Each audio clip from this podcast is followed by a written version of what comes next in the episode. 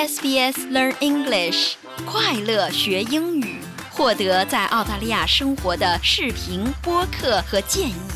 sbs 点 com 点 au 前斜线 Learn English。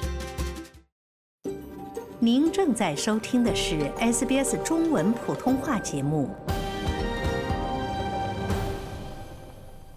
马来西亚政府三月三日透露，由于一家美国科技公司提议在南印度洋及疑似马航 MH 三七零航班十年前坠毁的海域重启搜索行动，因此可能会再次展开对这架失踪飞机的搜寻。马来西亚交通部长安东尼·洛克表示，美国的海底勘探公司海洋无限公司已经提出了扩大搜索范围的新计划，并沿用“无发现不收费”的模式。洛克已经邀请该公司会面，以评估其掌握的新证据是否有助于找到失事客机的最终下落。如果证据具有可信度，洛克将争取内阁批准与海洋无限公司签订新的合约，恢复搜索工作。在纪念 MH370 失踪十周年的活动上，洛克坚定地表示，政府对于寻找 MH370 的决心毫不动摇，并衷心希望搜索行动能够找到飞机，为遇难者家属揭露真相。海洋无限公司已经准备好了，他们已经敲定了方案，我们也准备好对此方案进行讨论了。正如我多次提到的，马来西亚政府致力于搜索工作，而且搜寻工作必须继续下去。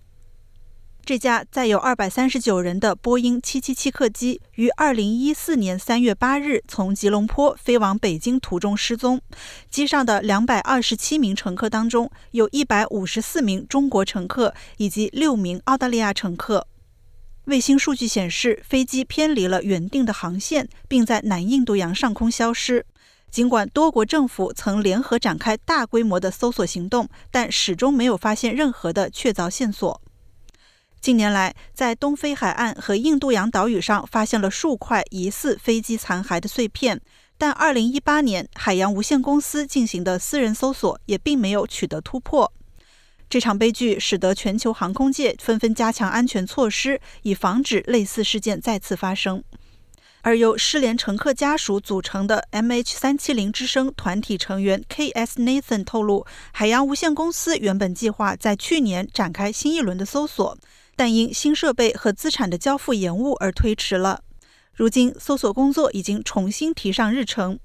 关于搜索费用的问题，洛克表示，目前尚无法透露具体的数额，需待与海洋无限公司进一步协商。他强调，财务成本并非障碍，只要条件成熟，搜索行动将顺利推进。洛克的表态让现场许多的家属感动落泪。十周年纪念活动在吉隆坡郊区的一家购物中心举行。遇难乘务员之一的妻子杰奎塔·戈梅斯激动地说：“我感到无比欣慰和期待，感谢政府给我们一个了结此事的机会，让我们能够告别过去的痛苦。”他表示，即使找不到飞机，也希望搜索行动能够持续进行下去。来自不同国家的乘客家属在活动中共同缅怀逝去的亲人，点燃蜡烛为他们祈祷。遇难乘客家属之一，来自中国的白忠坚定地说：“无论过去多少年，只要我们还在世上一天，就不会放弃追寻真相的努力。我们相信，总有一天会揭开这个谜团。”喜欢、分享、评论，欢迎您在 Facebook 上关注 SBS 普通话页面。